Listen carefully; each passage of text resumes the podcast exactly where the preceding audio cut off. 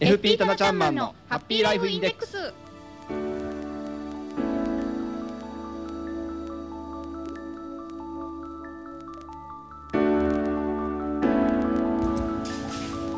ス FP タナちゃんマンのハッピーライフインデックスこの時間はあなたの夢と未来をトータルサポートするライフサポート有限会社の提供でお送りします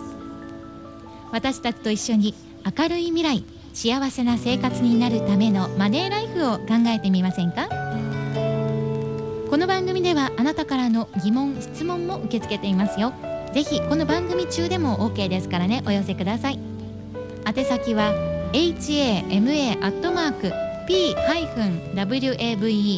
hama.p-wave.ne.jp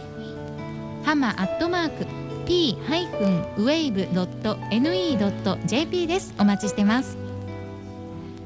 さあそれでは今日も早速一級ファイナンシャルプランニング技能士でありライフサポート有限会社代表のタナちゃんマンを呼んでみましょうあなたもご一緒にせーのタナちゃんマンはいこんにちは棚橋です今日もよろしくお願いしこまちすらこそお願いいたしますはさてタナちゃんマン、いもうね7月に入りまして、はいえーもう今日はね梅雨の中休みでいいそうですね晴れ渡った、そうですね爽やかな天気でうんはい夏らしくてはい、夏休みいろんなとこに行くのも楽しみになってくる頃なんですけれども、はいはいやっぱりねあのお金も旅行とか行くとかかるかなとそうかですね思いつつ、は計画を立てている頃だと思いますがそうですねはい夏休みに向けてね楽しみな頃なんですよねはい、はい今日実はねあの銀行の日というはい記念日でもあるんですよ、あたまちゃんそうですねはははい、どうでしょうか。そうですね、えー、じゃあ今日はその銀行の日にちなみまして、えーはいお札のおちょっと雑学的なお話をしていきたいなと思います。お札のお話、はい紙幣です紙幣ね。です。はへえ、なんか普通にねもう身近にあるので、い。はい。今今一つこう考えたことがそこまでなかったかもしれませあ、ん。そうですか。はい。はい、えー、紙幣にはですね、いろんな秘密が隠されてるん秘で密。すよ。え秘密。ーはい。なんか実はこうあのー裏をめくると当たりがあって当たりが1万円札だけそれが10倍になるとかいい ですね。そういうのがあれえばーすごく嬉しいんです妄けれども。想また突っ走ってしまいました。そうですねはい、それはないんですけれどもね。えー、お札今日本で発行されているお札は何種類？え でー、すとか現在だと1000円5000円1万円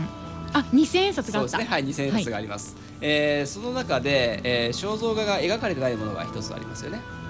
2000円札だ水先生ですね、はいこれ非常に珍しいお札なんですよ。そっか描かれてないですはい、こね、れ世界的に見ても肖像画のないお札っていうのは非常に珍しいレアなものなんですよね。そうなんですね、はい、はい、でへーその肖像画なんですけれども、はいえー現在1万円札の肖像画どれだかご存知ですか福沢諭吉はいゆくゆき先生です先生ですねねゆきちですよねじゃあ5000円札は5000円札があれ昔じゃなくて今ニトベあ残念それは今あ変わったそうですねあ女性ですそうねですねはい樋口一葉一葉だはいでその前が二戸部稲造でそうでしたえー1000円札が千円札が夏目漱あ石それは前ですね今現在野口英世ですけれどそもうでしたはい私あの古いお札しか持ってないんでしょうか ねお金そんだけあの自分の中で流通してないってことあでしそょううでかすかねはい物持ちがいいんですよねはいで、えーじゃあその前福沢諭吉はのい一万円札一枚福沢諭吉ですけれどもその前の一万円札誰だかご存知ですかえー、と一個前も福沢諭吉そうでですねその前ですねでその前なので聖徳太子そうですね聖徳太子あよかった、ではい五千円札今がいえー樋口一葉その前が二戸部稲造その前はえ五千円札あの一万円札を手にすることが多かったのであそうですか私の人生結構えーでい結構一回行ってみたかったでおす金持ちだったんですねいやーそう意外にこれね旧の五千円札、はい記憶ない方もいらっしゃるんですけどあの一万円札と同じ聖徳太子なんですよ、そうなんでしたっけ、はい、はいそうなんですねはあいで当時の千円札って誰だかご存知ですか千円札千円札もあのー普段手にする機会がなかったのかな私えちょっと思い出せないんですけど伊藤博文ですね初代の、ね、そうでした総理大臣なんですが、えー今現在のお札の、はいえー福沢諭吉さんそれとおー五千円札の樋口一葉を除いて共通点がありますこの二人だけちょっと違うんですけれども、はい共通点があります何だかご存知ですかえー、肖像画に肖像画政治家だけでもないですもんねそうですね夏目漱石は小説家ですそうでしすねねはえー、肖像画ひげがいあそうるなんですよおひげがあるんですよでこれはですね、はい日本だけではなくて、はい外国のお金もほとんどなんですがひげの生えている男性はいが肖像画で使われてますほとんどが、はいえー、知らまなかずったひげのない方って珍しいですねまずないと思いますへえこれどうしてだったかご存知ですかいやそんな理由まで全然知りませんこれですね理由がありまして、あるんだはい、これは偽造防止なんですよ。そうなんですか、はい、ひげってすごく複雑な生え方してますよね。線がすごく複雑そうでですすねので、はいはいその印刷をですね複雑にすることによって偽造防止するっていう効果があるんですよね。なるほど、はい、ですので、えー肖像描かれている肖像画はすべてひげがあるものが多い。多いんですねね、でその今現在日本で使われている福沢諭吉さんと、はいお樋口一葉さんは、あーまあ、樋口一葉さんはね女性ですから当然ひげ生えてたらびっくりですよねひげ びっくりですけれども、えーどうしてこれひげがない方を選んだのか所蔵に選んだのか選ぶことができたのかと言った方が正しいと思うんですけれどもかなりあの斬新な採用ということですもんね今までそうですの歴史から言うそとうです、ねはいえー、ちょっと思いつかないです、ね、あのこれですね、はいすごく日本の印刷技術っていうのはすごく理由にあるんですけれども、はいえー、1万円札5千円札すごく高度な技術を用いてですね偽造を防止してるんですよ千円札よりもさらに高度な技術でそうへですねはい、ーそうですねそれははい透かしとかそういうものそうでですすねか透かしはもう以前からあるんですけれども透かしだけではなくて、はいえーそのお色であったりとかですね、まあ、インクの使い方色あるいはその、まあ、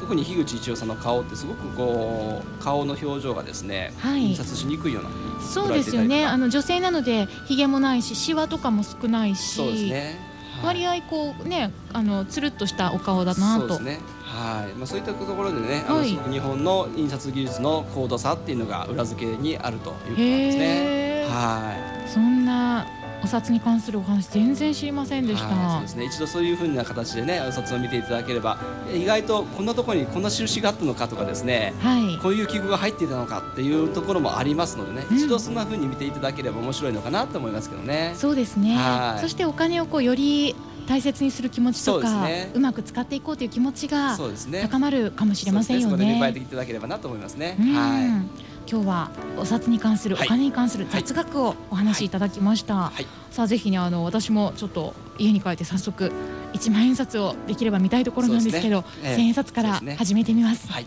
はい自分の名前書いちゃダメですかねダメでお札すにね。あまりやっぱり良くないですね。わかりました。はい。FP タナちゃんマンのハッピーライフインデックス。